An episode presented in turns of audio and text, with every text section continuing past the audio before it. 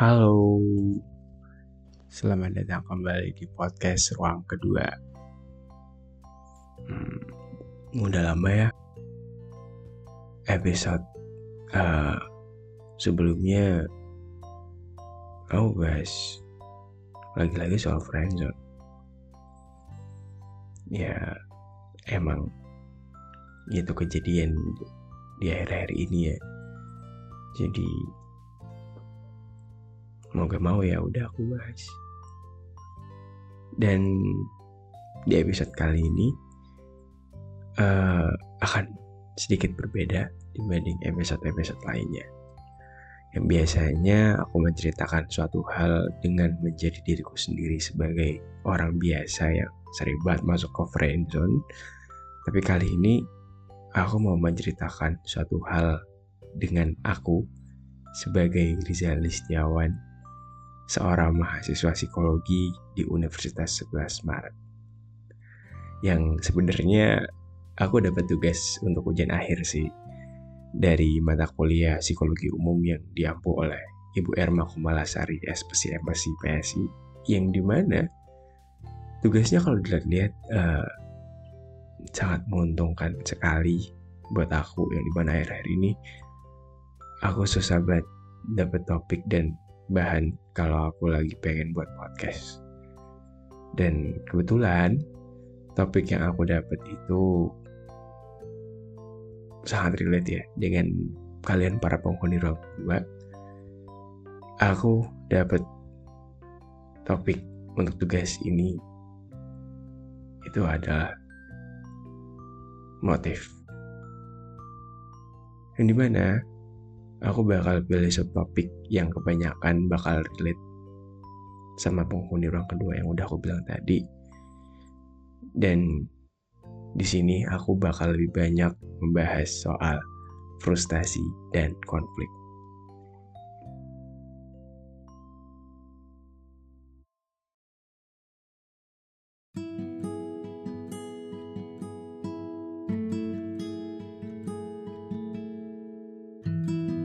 Kalau kalian ingat, di episode Aku Suka Seseorang, di sana aku menceritakan tentang apa yang perasaanku waktu itu rasakan.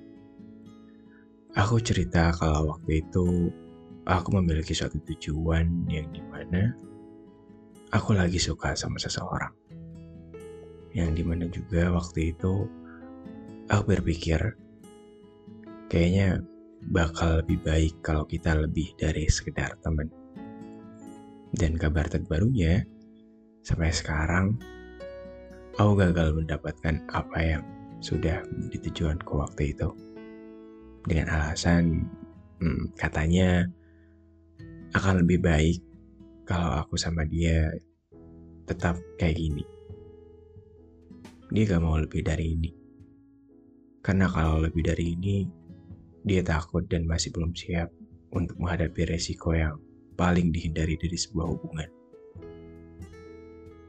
Ya, perpisahan. Pada saat itu pada saat dia mengatakan hal itu aku malah berpikir lebih. Aku malah berpikir apa aja yang kurang dari aku waktu itu. Apa aja yang masih belum aku berikan ke dia waktu itu. Dan apa aja yang membuat dia gak mau melanjutkan hubungan ini ketika tinggal lebih intim lagi. Yang pada akhirnya Aku memikirkan itu hampir satu minggu lamanya. Dan selama satu minggu itu aku merasakan hal yang namanya kecewa. Dan situasi yang aku alami setelah dia mengatakan hal itu bisa dinamakan dengan frustasi. Frustasi sendiri menurut Kartono dan Nur dapat diartikan sebagai sebuah tingkah laku seseorang yang terhalang oleh hasrat-hasrat yang tidak terpenuhi dalam mencapai sebuah tujuan. Dan ketika tujuan tersebut terus-menerus tidak tercapai, maka seseorang akan mengalami kegagalan yang berimbah pada kekecewaan dan rasa frustasi. Nah, frustasi sendiri terbagi menjadi tiga jenis, di antaranya Yang pertama, itu ada frustasi lingkungan. Yang di mana frustasi ini terjadi dikarenakan adanya hambatan yang ditemui di lingkungan.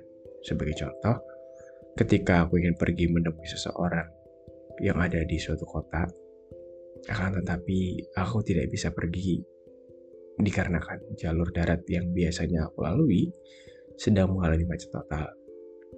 Dan yang kedua, ada frustasi pribadi.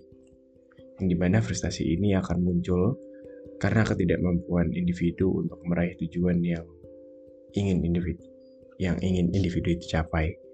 Seperti contoh, ketika seseorang sangat ingin memenangkan suatu kompetisi, akan tetapi kompetisi yang ingin orang itu capai terhalang oleh bakat dan waktu dia belajar untuk memenangkan kompetisi itu sangat singkat.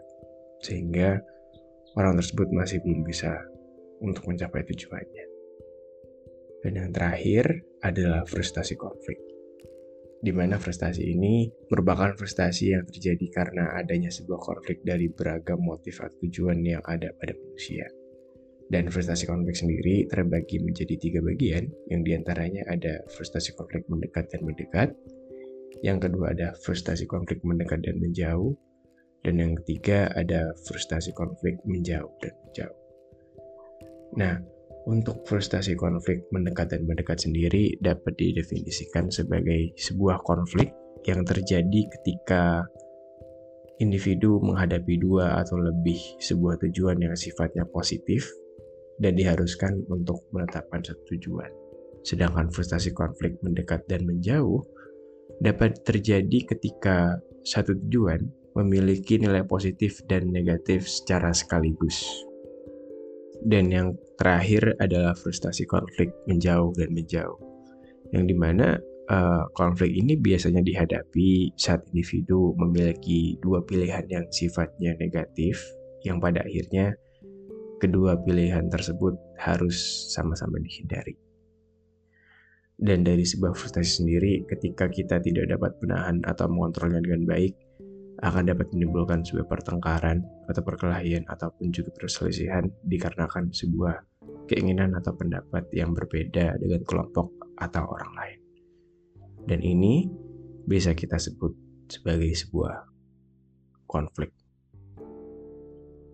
Konflik sendiri terbagi menjadi tiga macam, yaitu ada approach conflict, avoidance conflict, dan approach avoidance conflict yang di mana uh, approach konflik sendiri timbul karena terdapat dua motif atau tujuan atau lebih yang keduanya mempunyai nilai positif dan individu diharuskan untuk memilih satu dari kedua motif tersebut.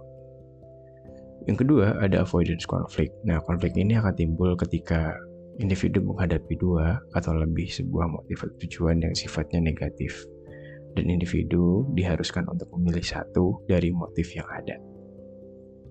Dan yang terakhir, ada approach avoidance conflict, yang di mana konflik ini akan timbul jika individu menghadapi objek yang mengandung nilai positif dan juga negatif.